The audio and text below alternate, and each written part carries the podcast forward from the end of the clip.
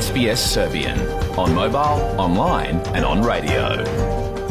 Vi ste uz SBS na srpskom, na mobilnom, na internetu i na radiju.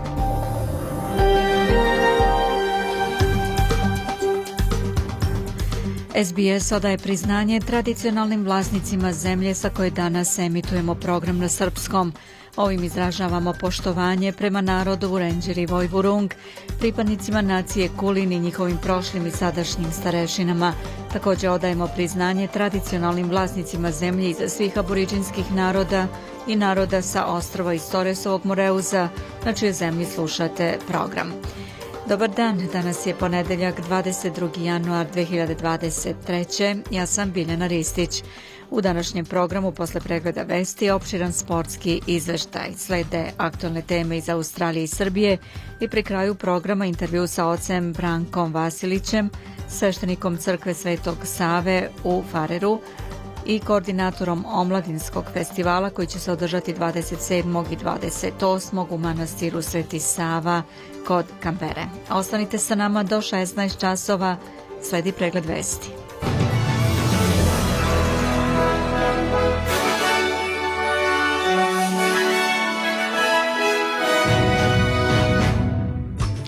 Premijer Albanizi sazvao sastanak na kojem će se raspravljati o oblažavanju posledica inflacije i troškova života. Ana Brnabić, niko ne može Rio Tintu da oduzme zemlju koju je pošteno kupio. Ron DeSantis se povukao iz izborne trke, pružio podršku Donaldu Trumpu.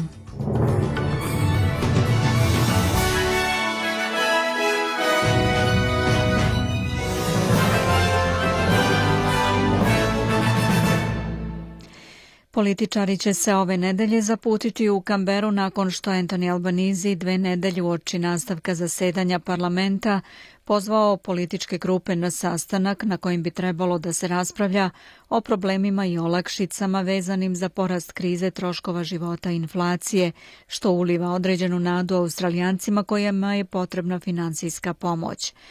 Premijer je zatražio od Trezora i Ministarstva financija da rade na predlozima za olakšice koji bi ublažile troškove života, ali nije dao naznake kada će predlozi biti objavljeni. Predviđa se da će se pristupačnost stambenog prostora u Australiji pogoršati ako vlada nastavi da daje poreske olakšice ljudima koji investiraju u privatno vlasništvo, navodi se u novom izveštaju koji pokazuje da se očekuje da će federalni budžet izgubiti četvrtinu triliona dolara zbog olakšice koja je poznata kao negativ gearing i poreza na kapitalnu dobit između 2010. i 33. Savezna vlada obećava da će ponovo osnažiti sektor izgradnje kuća i kaže da se obavezala da će isporučiti 1,2 miliona novih domova u narednih pet godina. Portparolka kampanje Maja Zize kaže da stambeni fond Housing Australia Future Fund nije dovoljan da bi se održao korak sa potražnjom. The Housing Australia Future Fund is only going to disperse at the most about 500 million Housing Australia Future Fund će se raspršiti na najviše oko 500 miliona dolara u narednih pet godina. To će biti samo mali deo novčanog iznosa koji ulažemo u privatno tržište, iznajmljivanja i privatne investitore. Oni podstiču izgradnju, a u najboljem slučaju planiraju izgradnju oko 30.000 domova u narednih pet godina. Ne želim da brkam račune ljudima koji su usmereni na te stanove i računaju na tih 30.000 domova, ali to neće sanirati potrebe koje su izazvane trenutnim nedostatkom socijalnih stanova u Australiji, a to je 640.000, rekla je ona. Ministar energetike Chris Bowen kaže da bi benzinske stanice koje prodaju i gas mogle imati dovoljno goriva da napajaju istočnu obalu Australije u naredne dve godine, jer je vlada sklopila dva ugovora o snabdevanju sa gasnim gigantima ESO i Woodside, što će rezultirati u isporuci 260 petradžula do 2033. On kaže da će sporazum pomoći u rešavanju potražnje u oblastima u kojima postoji rizik od sezonskih nedostataka goriva i da je deo osiguranja da cene gasa ostanu niže za Australijance. Sa druge strane, Savet za klimu kao i ekolozi kažu da vađenje i prerada ovog resursa postiče visoke emisije u Australiji. Predsjednica vlade Srbije Ana Brnabić izjavila je da je Rio Tinto vlasnik zemlje koju su mu meštani u Gornjim Nedeljicama i okolnim mestima dobrovoljno prodali, istakavši da vlada ne može da ga oduzme jer bi to značilo nacionalizaciju, kao i da se posle toga nijedan investitor ne bi osjećao sigurnim u Srbiji. Brnabić je za TV Pink izjavila da nijedan milimetar zemlje koju posjeduje Rio Tinto ni rezultat ekspropriacije. Objasnila je da vlada Srbije nema ugovor sa Rio Tintom, ali da, pošto imaju dozvolu za istraživanje, moraju da dobiju dozvolu za eksploataciju. Premijerka je naglasila i da je Rio Tinto ogromna razvojna šansa u smislu zelene agende, precizirajući da bi eksploatacija litijuma značila mnogo bržu zelenu energiju i da bi predstavljala šansu za zelenu tranziciju Srbije. Dodala je da je predsjednik Aleksandar Vučić potpuno jasno i otvoreno rekao šta misli o tom projektu, kao i da je nešto o čemu mora da se vode debate u budućnosti, kako je rekla. Generalni sekretar Ujedinjenih nacija Antonio Guterres još jednom je izrazio osudu Izraela zbog onoga što on naziva neprihvatljivim otporom prema državnosti za palestinski narod, govoreći na samitu G77 u Ugandi, Guterres je rekao da je sve veći broj ubijenih palestinaca u Gazi srce parajuća vest i ponovio svoje pozive na hitan humanitarni prekid vatre. Kaže da je ovakva razmera masovnog razaranja i ubijanja bez presedana tokom njegovog mandata. The denial of the right to statehood for the Palestinian people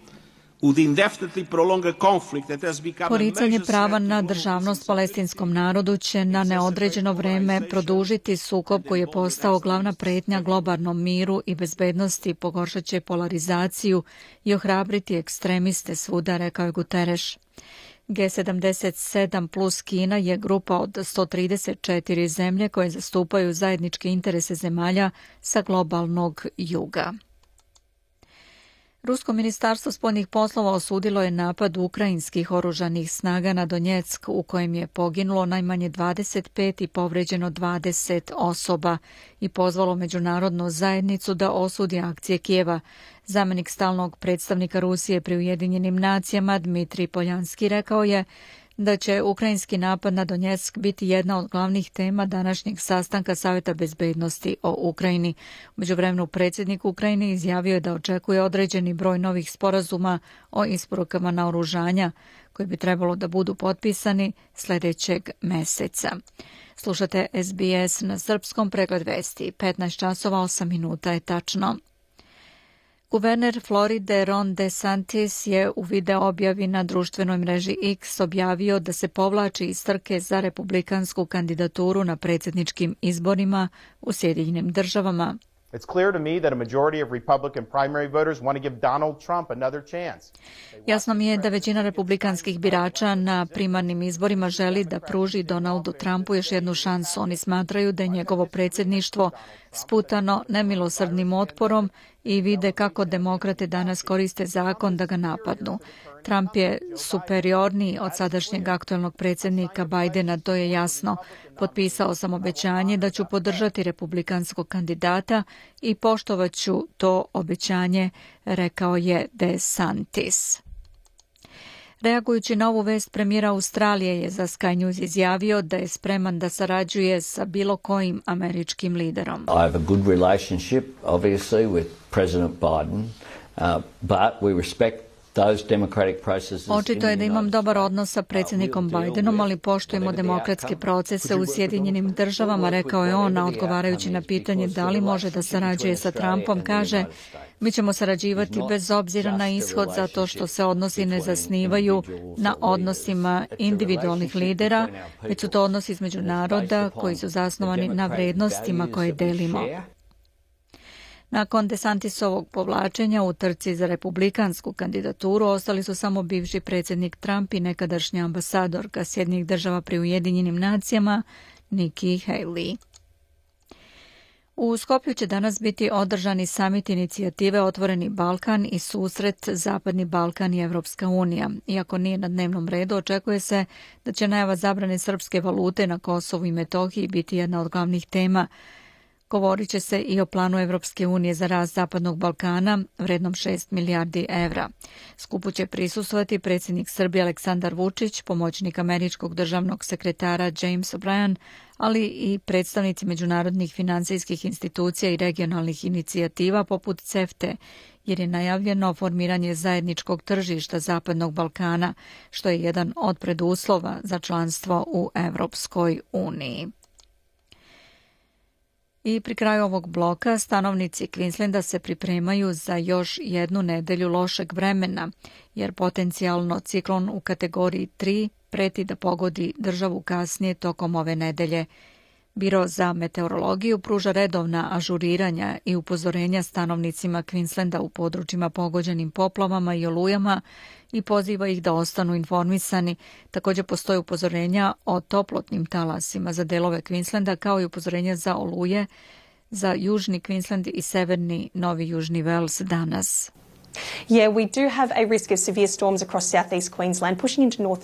Postoji rizik od jakih oluja širom jugoistočnog Queenslanda koji se danas prenose u severoistočni Novi Južni Vels i mogu doneti jake padavine koje bi mogle da dovedu do naglih poplava kao i do prilično snažnih vetrova i grada. Sa ovako toplim i nestabilnim vremenskim uslovima u tim oblastima dobra je ideja da pratite informacije na radaru tokom popodneva i da pogledate našu stranicu sa upozorenjima u slučaju ako budemo morali da izdamo upozorenja na oluju, kaže ova zvaničnica. Vlasti saopštavaju da ostaje neizvesno gde će ciklon koji će biti nazvan Kirili stići na kopno. Pogledamo i kolika je vrednost australijskog dolara danas. Prema američkom vredi 66 centi, 61 eurocent, 52 britanska penija i 70 srpskih dinara 94 pare. I na kraju pregleda vesti da pogledamo i vremensku prognozu po glavnim gradovima. U Pertu sunčano popodne sa 26 stepeni. 31 u Adelaidi sunčano. U Melbourneu je prilično oblačno vreme sa 20 stepeni, Hobart oblačno 14, sunčano je u Kamberi 27, Sidney je vetrovito 25, u Brisbaneu 36 sunčano i u Darwinu 31 sa vetrovitim vremenom. Beograd vedro i sunčano do 5 stepeni tokom dana. Slušali ste pregled vesti na SBS-u. Za sve najnovije posjetite sbs.com.au kozacrta news.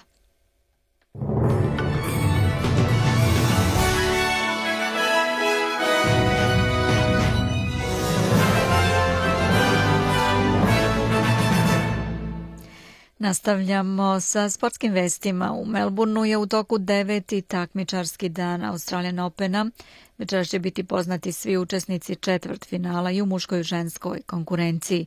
Juče je svoje mesto među osam najboljih obezbedio branilac titule Novak Đoković. Večeras će priliku da mu se pridruži u završnici turnira imati još jedan srpski igrač, Miomir Kecmanović. On se u udarnom terminu na Rod Laver Areni sastaje sa drugim nosiocem Carlosom Alcarazom iz Španije. Opširnije o dešavanjima na Australian Openu reći će Branko Cvetojević. Da čujemo.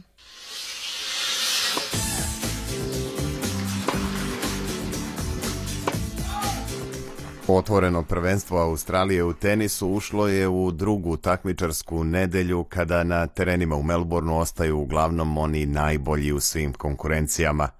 Plasmanom u četvrt finale kod muškaraca prvi je obezbedio aktuelni šampion Novak Đoković i to sigurnom pobedom protiv Adriana Manarina.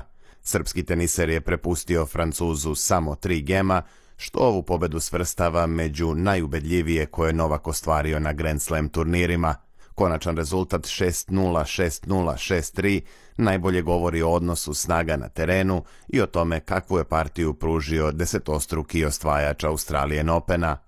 Đoković je posle meča sa Manarinom kao najvažnije istakao da nije potrošio mnogo energije, što može da bude i od presudne važnosti za završnicu turnira kada slede najveći izazovi i najjači protivnici. Dobro je što sam eto bio na terenu kratko što nisam puno energije potrošio sad u ovom završnim, završnicama Grand Slamova je to uvek dobro došlo da se konzervira energija i da se onda ovaj u tim mečevima koji postaju sve teži i veći izazovi da se ovaj to upotrebi kada, kada, je, naj, kada je najpotrebnije, kada je najzahtevnije. U četvrtfinalu koje sledi sutra u utorak 23. januara, srpski teniser će se sastati sa Taylorom Fritzom iz Sjedinjenih država. Fritz je priredio iznenađenje pošto je u četvrtom kolu eliminisao prošlogodišnjeg finalistu Stefanosa Cicipasa sa 3-1 u setovima. Čini se da je Amerikanac do pobede stigao i lakše nego što se očekivalo, a naročito siguran bio je u trećem i četvrtom setu, oba je dobio rezultatom 6-3. Đoković i Fritz su se do sada sastajali čak osam puta, a Novak je slavio u svim međusobnim mečevima. Deset godina mlađi Amerikanac uspeo je da Novaku oduzme samo dva seta i to oba na istom meču u 16. finala Australijan Opena 2021. Đoković kaže da dobro poznaje narednog rivala i veruje da će sutra uveče protiv Frica produžiti niz pobeda. Imao sam do sada odličan skor sa njim u međusobnim duelima. Posljednjem meču sam ga pobedio u četvrtfinalu u Australiji, ovom US Openu, tako da znam šta mi je činiti, analizirat ću taj meč, gledat ću na ponovo reprizu ovog sa Cicipasom, ovo što je igrao, pa malo da vidim, pošto ga nisam pratio baš ovaj turnir, nisam vidio kako igra. Kažem opet, ovaj, ako budem bio na, na svom nivou, ovaj, mm, mislim da su mi jako dobre šanse da pobedim, znam, kažem šta mi je činiti, lopta je okrugla, kao što kažu, jeli, u futbolu, tako da sve je moguće, ali ovaj, nivo samopouzdanja se, se vratio i dosta, dosta se dobro osjećam na terenu. A nedeljni mečevi na terenima u Melbourne parku pokazali su i ko je najozbiljniji Đokovićev izazivač u gornjoj polovini žreba. Italijanski teniser Janik Siner plasirao se u četvrt finale takođe na nadmoćan način. Do sada još nije izgubio set na ovogodišnjem Australian Openu, a najteži posao imao je upravo u poslednjem meču u osmini finala kada je sa 3-0 savladao Karena Hačanova. Za razliku od svih prethodnih Sinerovih rivala, Rus je jedini koji je uspeo da pruži solidan otpor i da četvrtog tenisera sveta zadrži na terenu duže od dva i po sata. Italijan će u četvrtfinalu igrati protiv još jednog ruskog igrača, petog nosioca Andreja Rubljova, koji je sinoć u pravom teniskom trileru uspeo da preokrene rezultat protiv Aleksa Deminora. Miljenik australijske publike je odigrao dva odlična seta i vodio sa 2-1 pre nego što je Rubljov uspeo da uspostavi kontrolu na terenu i dobije odlučujući četvrti set. U poslednjem delu igre Rus je rutinski odradio posao i sa 6-0 stavio tačku na Deminorovo učešće na ovogodišnjem Grand Slamu u Melbourneu.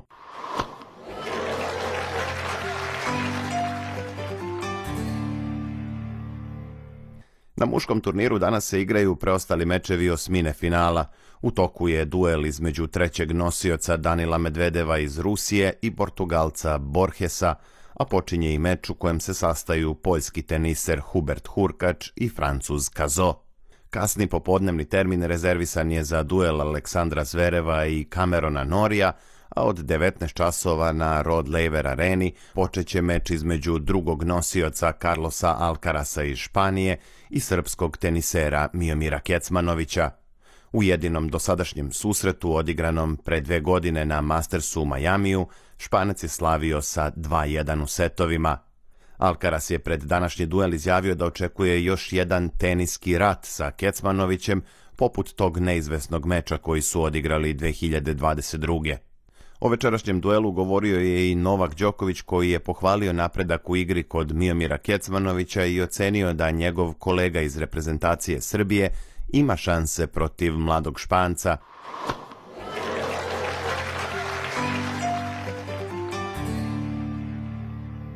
Na ženskom turniru u Melbourneu aktualna šampionka Arina Sabalenka nastavila je da niže ubedljive pobede.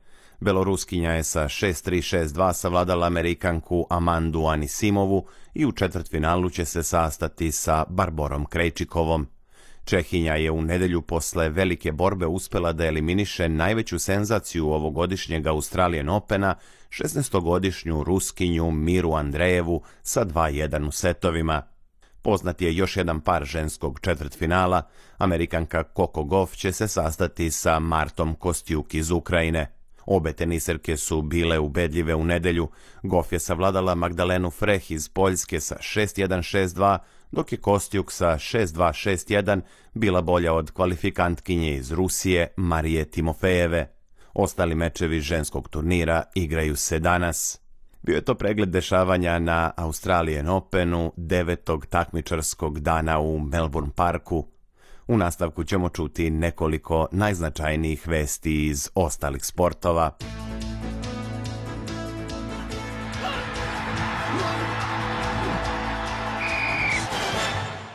Srpski futbalski reprezentativac Dušan Vlahović nastavio je golgetersku seriju u dresu Juventusa.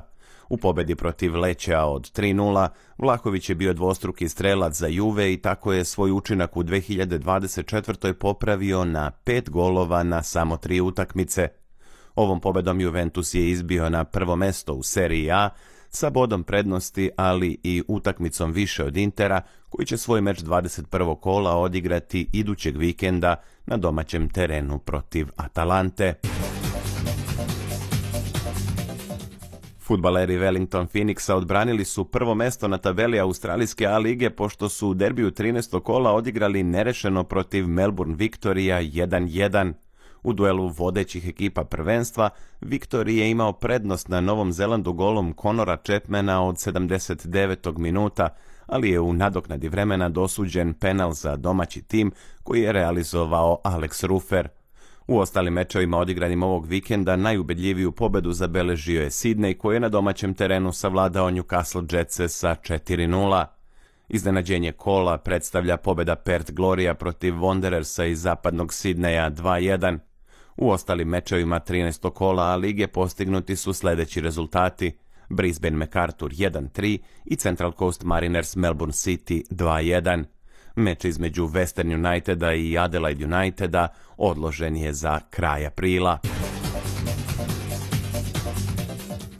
Jedna od najboljih odbojkašica sveta Tijana Bošković i naredne sezone igraće za turski Ezeči Baši.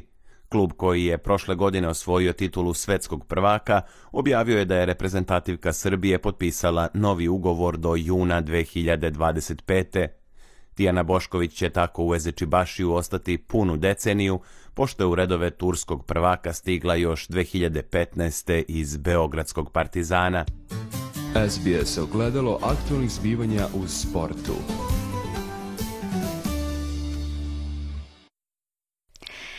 Vi slušate SBS na srpskom. Ja sam Biljana Ristić. Ostanite sa nama do 16 časova. Nastavljamo aktualnim temama.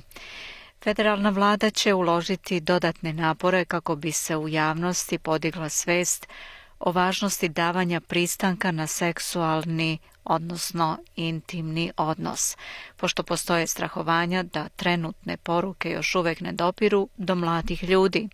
Smernice koje sadrže pojednostavljenu definiciju tog koncepta takođe pozivaju preduzeća i organizacije da odigraju svoju ulogu u borbi protiv seksualnog nasilja, pišu Navin Razik i Pendy Buckley za SBS News. Stop that. Stop what? Stop. My hands are dirty. My hands are dirty too. What are you afraid of? Bio ovo zvučni zapis iz filma Imperija uzvraća udarac, proizvod pop kulture koja znatno utiče na oblikovanje svesti kod mladih ljudi. Podučavanje o principima poštovanja i čekanja na davanje pristanka na intimni odnos – Od malih nogu bi trebalo da bude jednostavno, ali popularni mediji, koji za ciljnu grupu imaju mlade ljude, plasiraju brojne suprotne primere koji im daju pogrešne ideje.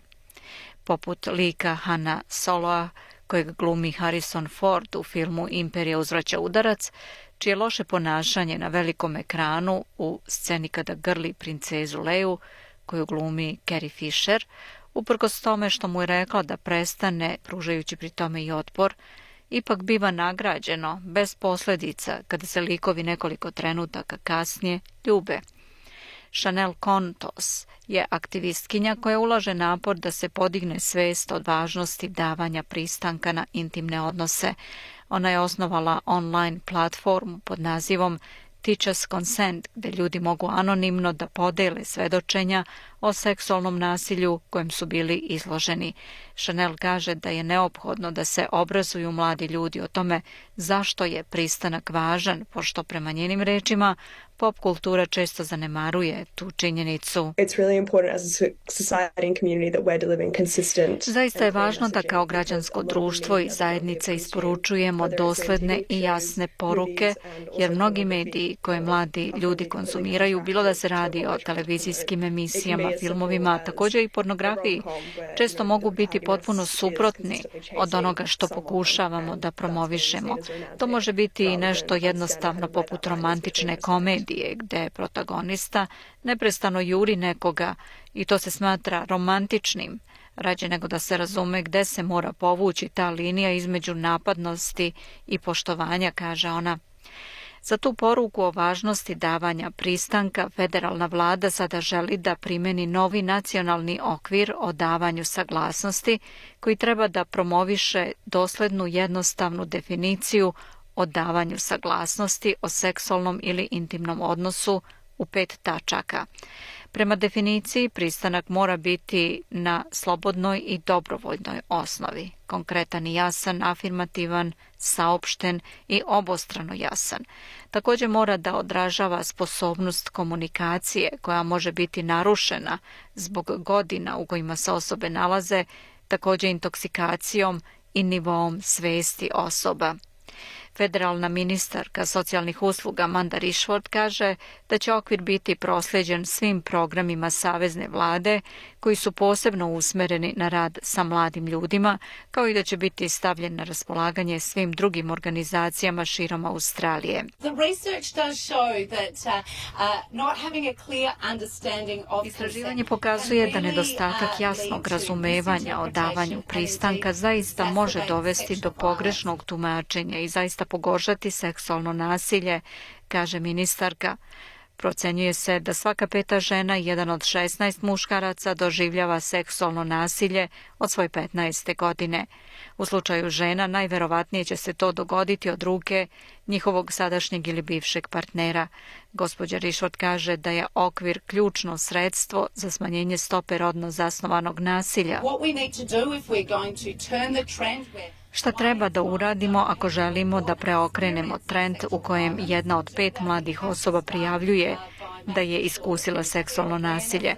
Moramo da počnemo tako što ćemo osigurati da postoji jasna svest i razumevanje kod naših mladih ljudi. Vladin okvir karakteriše napore u borbi protiv seksualnog nasilja kao ključno kulturno pitanje za organizacije i radna mesta, upozoravajući da institucije u kojima dominiraju muškarci posebno mogu podržati ili opravdati stavove ili ponašanja koja podržavaju nasilje nad ženama. Nacionalni okvir je napravljen uz konsultacije sa stručnjacima i zagovornicima borbe protiv seksualnog nasilja, uključujući gospođu Kontos, i činit će okosnicu budućih vladinih kampanja i odgovarajućih partnerskih programa. Vlada se nada da će izbeći greške iz prošlosti kada su primenjeni pogrešni pristupi poput zloglasne reklame za milkshake koju je naručio Commonwealth 2021 koja je nakon objavljivanja bila zbunjujuća pošto je u njoj saglasnost objašnjena analogijom ponude da se podeli milkshake. But what happens when one person takes action without an agreement? You do, huh? Well, drink it. Drink it all. Gospođa Kontos kaže da nacionalni okvir doprinosi osiguravanju da ne postoji neusklađenost u slanju poruka o davanju saglasnosti u medijima, što može dovesti do nazadovanja u kulturi i razumevanju o davanju pristanka. Sa ovakvom vrstom obrazovanja, posebno kod starijih tinejdžera, zaista ne bi trebalo da bude eufemizma, metafora i analogija. Moramo da govorimo eksplicitno, direktno. Dakle, ovakvi resursi definitivno mogu pomoći da se razume šta je najbolje da se kaže, kako da se kaže, kada tako nešto treba da se kaže i da ljudima date samopouzdanje da to i urade. Ona pozdravlja okvir kao način za olakšavanje ovih važnih razgovora i nada se da će se davanje saglasnosti i način na koji saznajemo o tome preneti na web mrežu i moći da se koristi za iskorenjivanje seksualnog nasilja. Zaista je neverovatno da je obrazovanje o davanju pristanka ostalo nacionalni prioritet kao što bi i trebalo da bude, jer zaista verujemo da možemo iskoreniti ogroman procenat seksualnog nasilja kroz obrazovanje, a u budućnosti zaista se nadam da će fokus biti usmeren na maltretiranje uz pomoć tehnologije i na lekcije koje mladi uče iz pornografije, odnosno da ćemo se baviti ponašanjem koje se nameće na takav način. Treba da vodimo te razgovore bez straha, kaže gospođa Kontos. Ako vi ili neko koga poznajete želite da razgovarate o seksualnom napadu ili uznemiravanju ili o nasilju u porodici, pozovite 1800 Respekt na 1800 737 732 ili posetite 1800respect.org.eu. U hitnim slučajevima pozovite 30.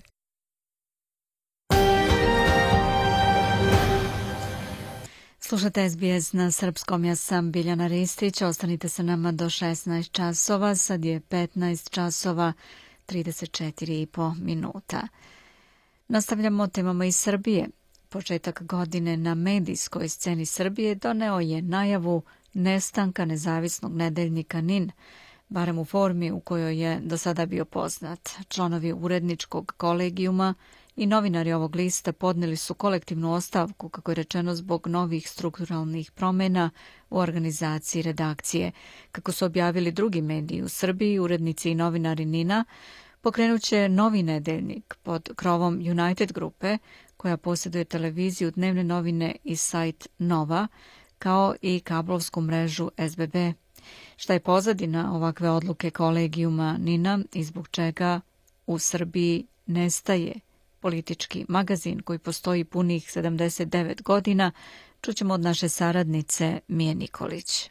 NIN je moralna kategorija, pas čuvar društva od samovolje vlasti, napisao je portal Medija centra, pisac Dragan Velikić je ustvrdio da se NIN seli u Novu Ljušturu, da će dobiti novo ime, ali da, da će sadržaj ostati isti, odličan. U zemlji u kojoj su institucije razorene, NIN je institucija koja je potrebna ne tako malom broju nas i ekipa iz Nina su ljudi koji pokazuju da smo živi, da dišemo i da nismo ludi, zapisao je Velikić. Inače, NIN je osnovan u Beogradu krajem januara 1935. to jest pre 89 godina, a članovi ove poslednje redakcije su pre pet meseci saznali iz medija da je kompanija Ringier Srbija vlasništvo nad nedeljnikom sa dugom tradicijom i snažnom reputacijom iz čista mira i besplatno prebacila svojoj dugogodišnjoj direktorki Jeleni Drakulić – Javnost se još tada zapitala šta se tu stvarno dešava, kakvi su planovi i kako će se priča odvijati, ali je glavni urednik Milan Ćulibrg tada obznanio da mu je nova vlasnica u startu obećala da se neće mešati u uredničku politiku. No u prošlonedeljnom saopštenju, objavljenom nakon kolektivne ostavke, članovi redakcije su naveli da su odluku doneli jer je nova vlasnica najavila promenu koncepcije nedeljnika – ali ih nije uveravala da će svoj posao moći dalje da obavljaju kako su do sada činili, beskompromisno i rukovodeći se isključivo imperativima profesionalnog novinarstva.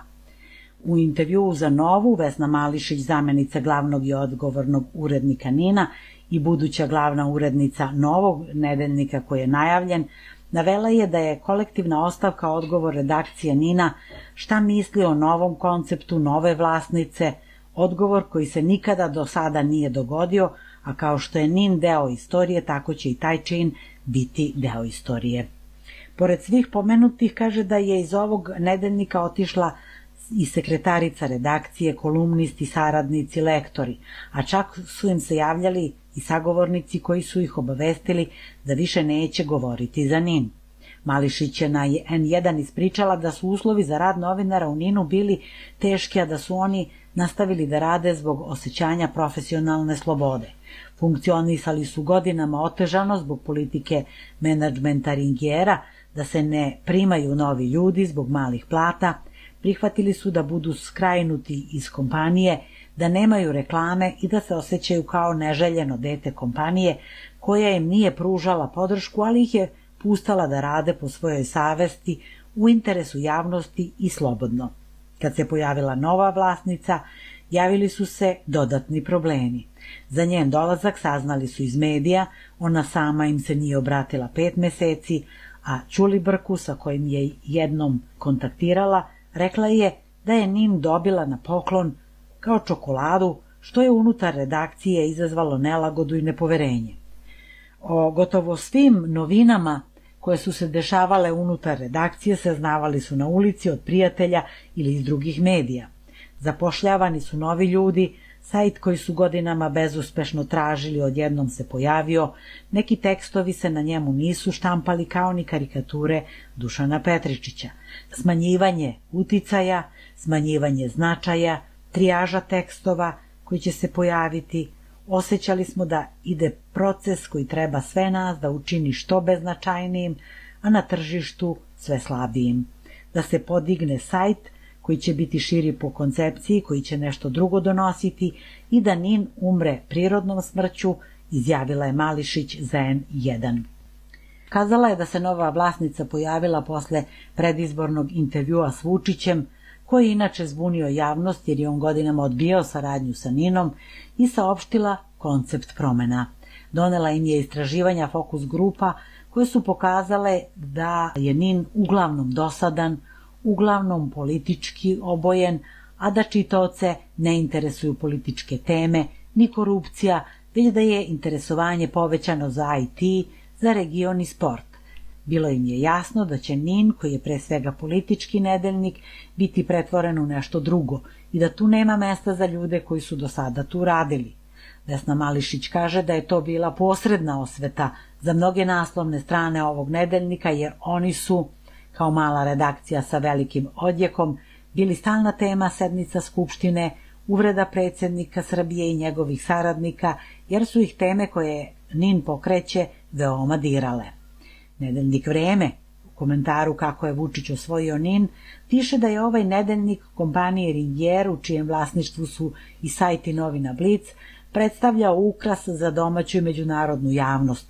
Nije puno koštao, a nije ni mnogo štete pravio. A onda se stvar počela menjati, nedeljnik je ostvario veliki uticaj, ne toliko tiražom koliko otkrivanjem brojnih afera. Kada je Nin poklonjen Jeleni Drakulić, mnogi su osjećali da neće biti dobro, a oni koji su znali za bliskost Drakulićeve sa porodicom Vučić, bili su još više ustrašeni, piše vreme. U podnaslovu sudbina neposlušnih vreme navodi da je Nin ostao ne samo bez državnih reklama, već im se ni privatni oglašivači agencije nisu javljali na telefon, jer se biznis u Srbiji ne može napraviti bez vlasti. Kontrolišući ogroman procenat oglašavanja, tačnije svih novaca koji odlaze u medije i budžetskih i ostalih, vlast postaje glavni i odgovorni urednik bezmalo svih javnih glasila u zemlji, Mora se reći da su ovaj sistem u početnoj formi smislile prednaprednjačke vlasti, a da su Vučićevci to samo sproveli do kraja, bahato i bezobalno, kako to samo oni znaju, piše između ostalog nedeljnik vreme.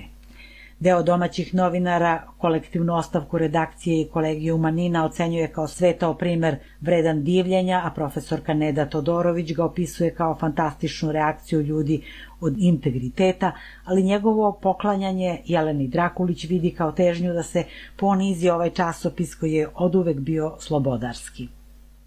Nezavisno udruženje novinara Srbije izašlo sa saopštenjem u kome daje podršku ovim novinarima i šalja apel vlasnici Nina da sačuva kredibilitet lista. NUNS pruža podršku i izražava poštovanje kolegama koji su u teškim momentima ostali na okupu i pokazali zajedništvo, solidarnost i privrženost novinarskoj profesiji. Istovremeno očekuje da će nedeljniku koji osnivaju do skorašnji novinari Nina biti omogućeno da kao i do sada rade profesionalno i nesmetano stoji u saopštenju NUNS-a. Bila je to naša saradnica iz Srbije, Mija Nikolić. Ostanite sa nama, 15 časova 43 minuta je tačno. Nastavljamo vedrim temama. Arhiv Jugoslavije je obeležio 74 godine od osnivanja, prigodnom izložbom pod nazivom 74 godina arhiva Jugoslavije, koja donosi materijale iz njegovog rada od osnivanja do danas, a bit će otvorena do 9. februara, javlja Hranislav Nikolić. Arhiv Jugoslavije obeležio je 74 godine od osnivanja 21. januara 1950. velikom izložbom pod nazivom 74 godine arhiva Jugoslavije, koja je otvorena u petak u ovoj instituciji u zadužbini kralja Aleksandra Karadžorđevića u Beogradu. Arhivi su izvori saznanja o prošlosti, a arhiv Jugoslavije deluju u sadašnjosti tako što našu prošlost čini razumljivom i vidljivom širokoj publici. Arhiv Jugoslavije se može pohvaliti da je 2023 u UNESCO-vu memoriju sveta ušla njihova zbirka dokumenta o prvoj konferenciji pokreta nesvrstanih u Beogradu 1961. godine. Pomoćnik direktora arhiva Miladin Milošević kratko je rekao novinarima. Arhiv Jugoslavije je jedinstveno izvorište saznanja o istoriji Jugoslovenske države. I ne samo Jugoslovenske države, nego o istoriji svih bivših članica Jugoslovenske federacije. Dan arhiva uveličala je izložba autografa poznatih ličnosti koje su obeležile pojedina istorijska razdoblja. Slikom i tekstom obuhvaćeno je 156 državnika, diplomata, političara od Roosevelta preko Hruščova i drugih velikana 20. veka, kao što su Margaret Thatcher, Juan Carlos, Putin i tako dalje. Tu su i Ataturk, Tito i predstavnici dinastije Karadžorđević, ali i Mussolini i Hitler.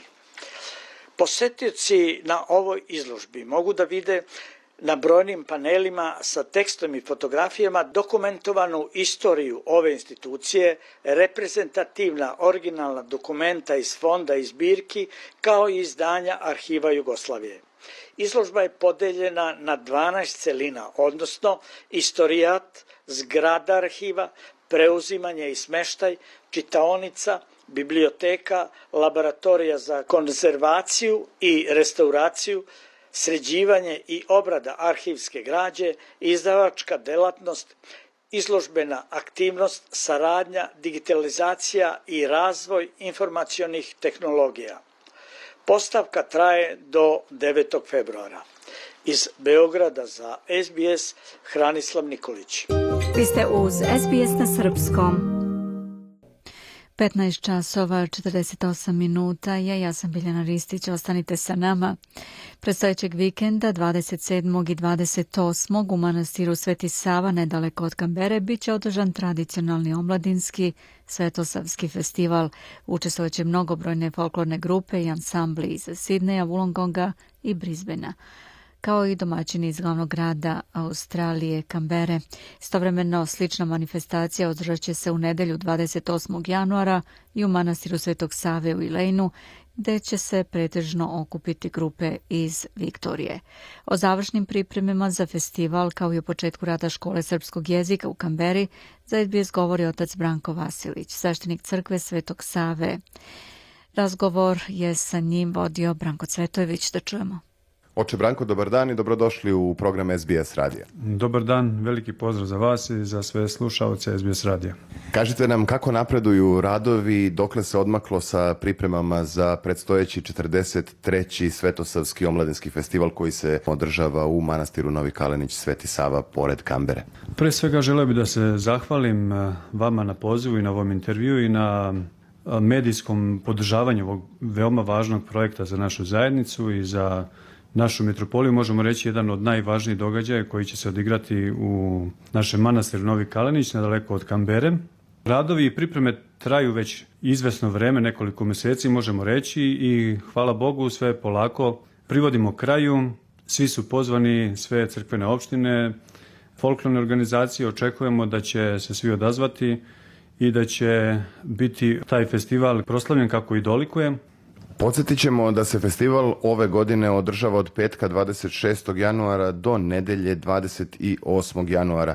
Oče Branko, vi ste dužnost koordinatora festivala preuzeli tokom 2023. godine. Koliko je to jedan zahtevan i kompleksan posao? Blagoslovom našeg episkopa, gospodina Siluana, od ove godine ja sam postavljen za koordinatora Svetosavskog festivala.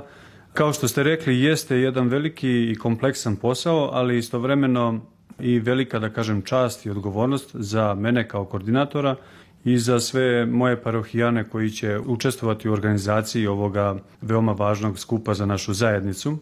I dobro ste rekli da sam festival počinje 26. januara večernjom službom, bogosluženjem i onda možemo da kažemo da je glavni dan 27. januar na sam dan Svetoga Save i on počinje naravno svetom arhijerejskom liturgijom koju će služiti naš episkop gospodin Siluan sa sveštenstvom mitropolije Australijsko-Novozelandske, a i sam naš manastir je posvećen Svetome Savi, tako da u subotu ćemo nakon liturgije prelazati slavski kolač i na, na taj način ćemo proslaviti i hramovnu slavu našeg manastira Novi Kalenić.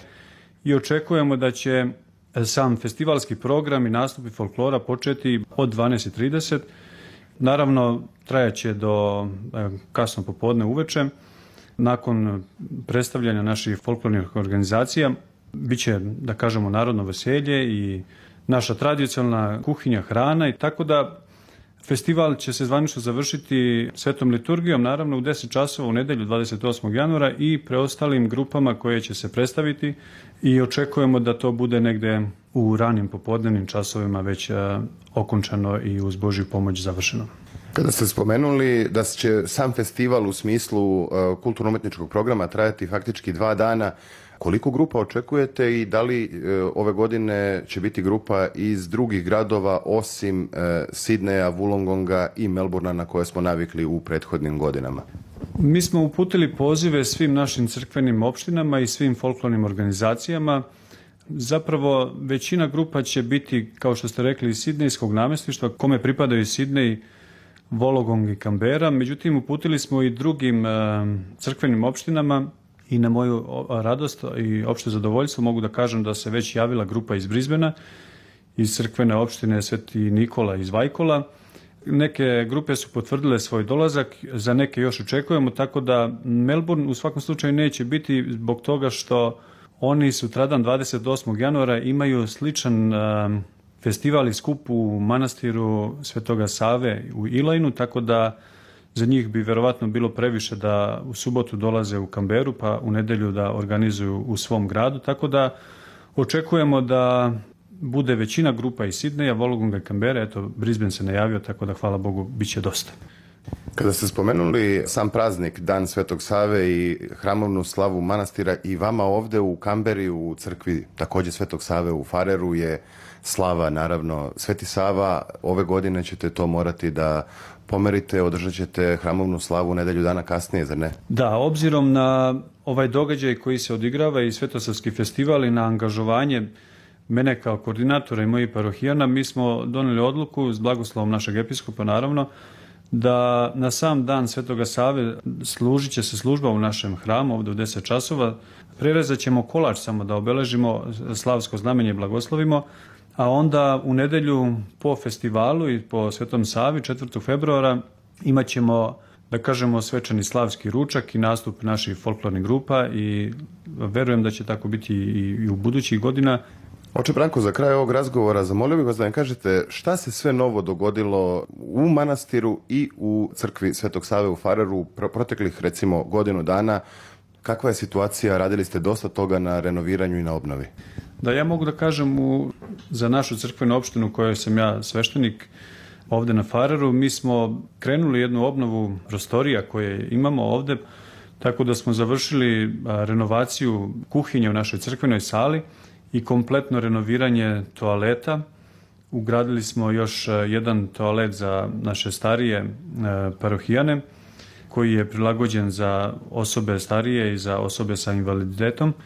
Tako da to je ono što smo završili i planiramo ako Bog da odmah posle svetosavskih praznika da krenemo sa izgradnjom igrališta dečijeg koje će biti iza naše crkvene sale, prostornim uređivanjem tog dela našeg imanja i sa ključnim, da kažem, ključnim poenom sa dečijim igralištem koje će naša deca imati na raspolaganju za njihovu igru i hvala Bogu imamo 80 dece na folkloru i veronauci. Od sledeće godine krenuće, pored naše škole veronauke i folklora, krenuće i srpska škola koja će biti pod pokroviteljstvom Ministarstva prosvete Republike Srbije, angažovanjem našeg ambasadora, tako da i imaćemo i mi dve grupe od februara meseca u našoj crkvenoj opštini, tako da hvala Bogu radovi neki i obnova su stalno u toku, stalno nešto obnavljamo i radimo. Obnavlja se i živa crkva, hvala Bogu, to je ono što mene kao sveštenika najviše raduje. Sve više mladih ljudi, mladi bračni parova dolazi i posećuje našu crkvu, dolaze na bogosluženja i nešto što će biti, ako Bog da, kruna našeg, naših radova jeste u planu da u što skorije vreme krenemo sa freskopisanjem našeg hrama i to će biti jedan veliki projekat u kome će mnogi naši parohijani imati prilike da uzmu učešća. I do godine, eto, ovaj, i prilike da kažemo, da pomenemo to, bit će u oktobru mesecu jubilej 40 godina od osvećenja naše, naše crkve, tako da imaćemo a, jednu veliku, da kažemo, opet proslavu i duhovni jedan događaj, jedan lep jubilej u kome će učestvovati naravno naši parohijani i drugi vernici iz drugih gradova koji budu bili tu.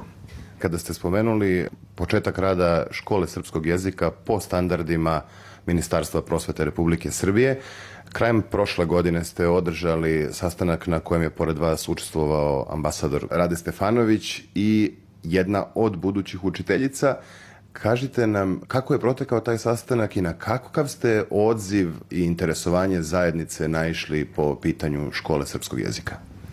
Da, taj sastanak je bio o, jako dobar i zahvaljujem i ovom prilikom našem ambasadoru gospodinu Raditu Stefanoviću na angažovanju jer on je već angažovan po drugim gradovima i crkvenim opštinama i već ima u tom smislu iskustvo koje je bilo potrebno i bila je tu da a, naša učiteljica Smilja Rajak koja će raditi u, u toj školi. Odziv je zaista dobar i dosta dece se javilo. Već imamo oko 30 dece na spisku koji, koji su se već upisali u školu. Verujem da će, kako vreme bude odmicalo, da će se još više njih prijavljivati. Sad treba da se usklade vremenske uslovi kad, kad mogu da deca dolaze, kad mogu da se organizuju. Uglavnom, jedna vrlo lepa i pozitivna stvar za našu zajednicu, za našu decu i hvala i ovom prilikom kako našoj ambasadi, našem ambasadoru, tako i našoj matici Republice Srbije koja i na ovaj način iskazuje brigu za svoje stanovnike koji su udaljeni iz Srbije čak do Australije. Oče Branko, hvala vam puno na razgovoru i mnogo sreće u svim ovim narednim poduhvatima. Hvala vama i veliki pozdrav za sve slušalce SBS radija.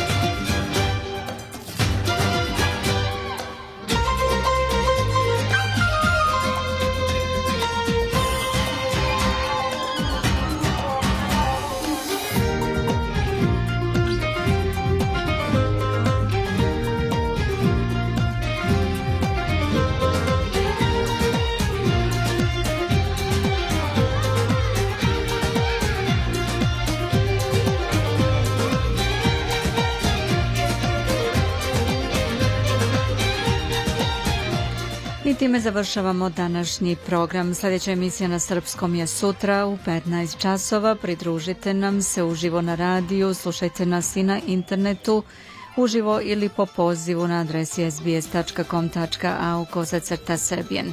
Na vašem telefonu možete nas takođe slušati po pozivu ili uživo, preuzmite SBS audio app. Na Facebooku profil je SBS Srbijen. Sa vama je danas bila Biljana Ristić, ja vam želim prijatan ostatak ovog ponedeljka 22. januara 2024. Doviđenja i do slušanja.